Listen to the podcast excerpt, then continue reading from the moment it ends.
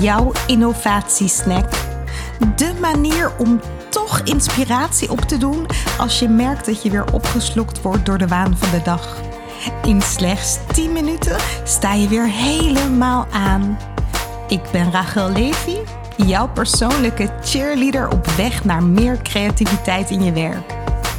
Om de week serveer ik je hier in Chaos in de Orde, de podcast, een smakelijk hapje van nieuwe ideeën, frisse perspectieven en inspirerende verhalen om jouw innovatiekracht te stimuleren.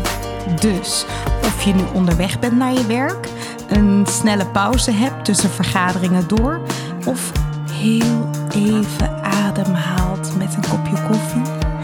Dit is jouw korte, krachtige dosis creatieve energie. Klaar om geïnspireerd te worden?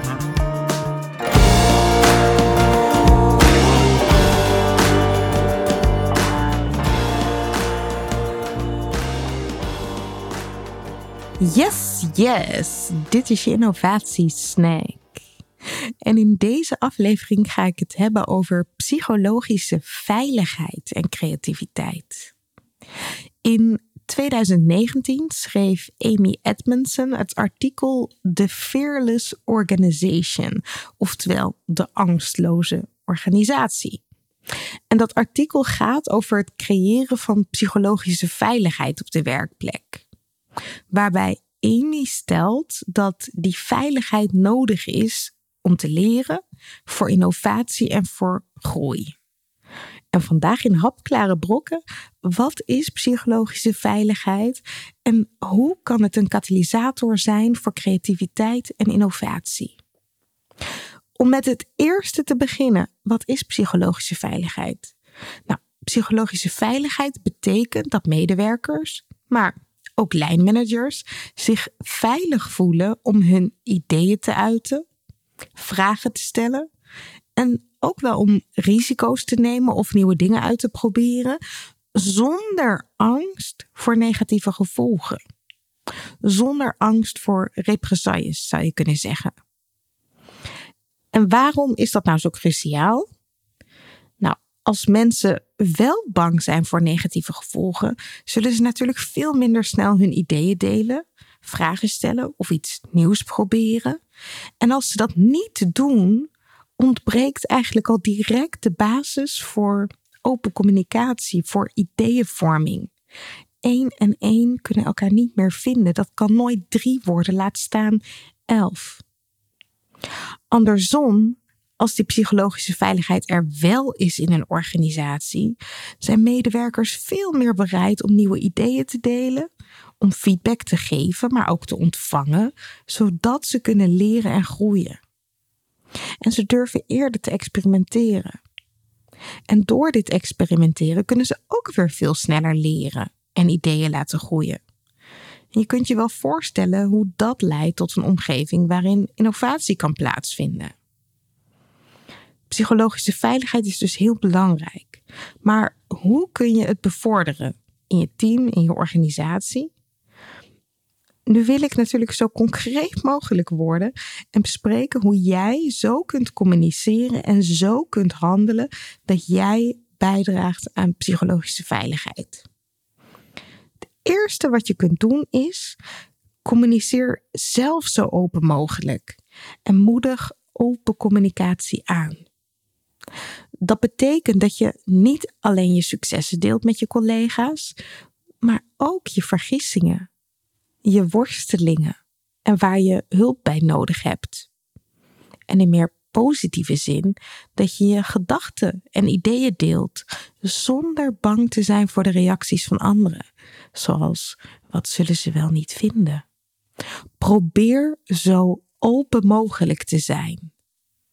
En als een collega zich uitspreekt over een worsteling of een idee oppert, reageer dan ontvankelijk.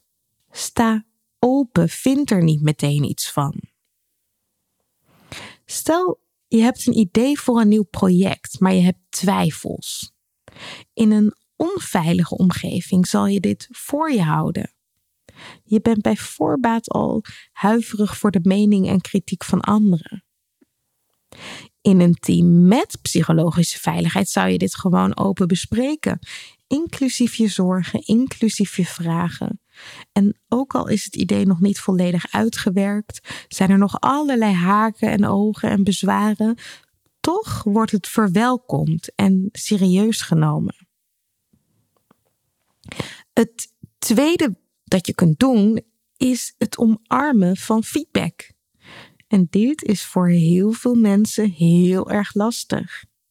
Feedback kan oude trauma's triggeren, waardoor je bijvoorbeeld defensief wordt, je persoonlijk voelt aangevallen en niet meer constructief reageert. En zo'n reactie maakt het dan weer onveilig voor de ander om jou nog feedback te geven. En als dit gebeurt in een team en niemand geeft elkaar meer feedback, is er ook heel weinig lerend vermogen. Maar in een veilige omgeving, of als jij die veilige omgeving wil scheppen, ben je dus in staat om feedback te omarmen. Zowel positieve feedback, complimentjes, als constructief kritische feedback. En jij kunt zelf op twee manieren het goede voorbeeld geven. Door in je eigen feedback aan andere mensen positief en constructief te zijn. En dat doe je door te zeggen: Dit was al heel goed. En ik denk dat je nog effectiever kunt zijn als. Maar je geeft ook het goede voorbeeld door actief te vragen om feedback. Stel, je hebt net een presentatie gegeven. Vraag dan aan collega's: wat deed ik goed? En waarin kan ik effectiever zijn? En omarm dan zeker de complimentjes die je krijgt. Die heb je verdiend. Laat ze maar even binnenkomen. Maar omarm dan net zo goed de kritische noten. Om ervan te leren. Word niet defensief. Trek het je niet persoonlijk aan. Zie het echt als leermomenten. Je krijgt inzicht in wat goed werkte en ook in wat verbeterd kan worden. En dat komt uiteindelijk ten goede aan het hele team. Het derde punt is dat je fouten kunt zien als leermomenten. En dit gaat iets verder dan feedback geven en ontvangen. Als er geen psychologische veiligheid is in een team, zullen mensen over het algemeen fouten vermijden of verbergen. En op het moment dat dit gebeurt, zeker het vermijden van fouten, zal er dus heel weinig worden getest of geprobeerd. De nadruk zal veel meer liggen op beheersing en het vermijden van risico's. En voor innovatie is dat natuurlijk funest. Wat je eigenlijk wil, is dat fouten er gewoon mogen zijn. Waar mensen werken, gaan dingen mis. Iemand vergeet iets te doen, waardoor dingen in de soep lopen. Iemand laat per ongeluk een map liggen in een café, waardoor sprake is van een datalek. Er is bij de update van de software een fout gemaakt in de code, waardoor de app van de bank twee dagen lang niet werkt. Ja, dingen gaan mis. In een veilige omgeving hoef je niet bang te zijn voor represailles, maar kun je zeggen: dit is gebeurd. Ik schaam me ik neem er verantwoordelijkheid voor, of we nemen er samen verantwoordelijkheid voor. En we gaan leren wat er nou eigenlijk misging en hoe we dat in de toekomst kunnen voorkomen. Ja, en daarmee sluiten we deze innovatiesnack af. Psychologische veiligheid begint dus bij concrete acties zoals open communicatie, het omarmen van feedback en het zien van fouten als kansen om te leren. Door zelf het goede voorbeeld te geven en anderen te ondersteunen, draag jij bij aan een cultuur van psychologische veiligheid. En dat is geen luxe, maar echt een noodzaak als het gaat om creativiteit en innovatie.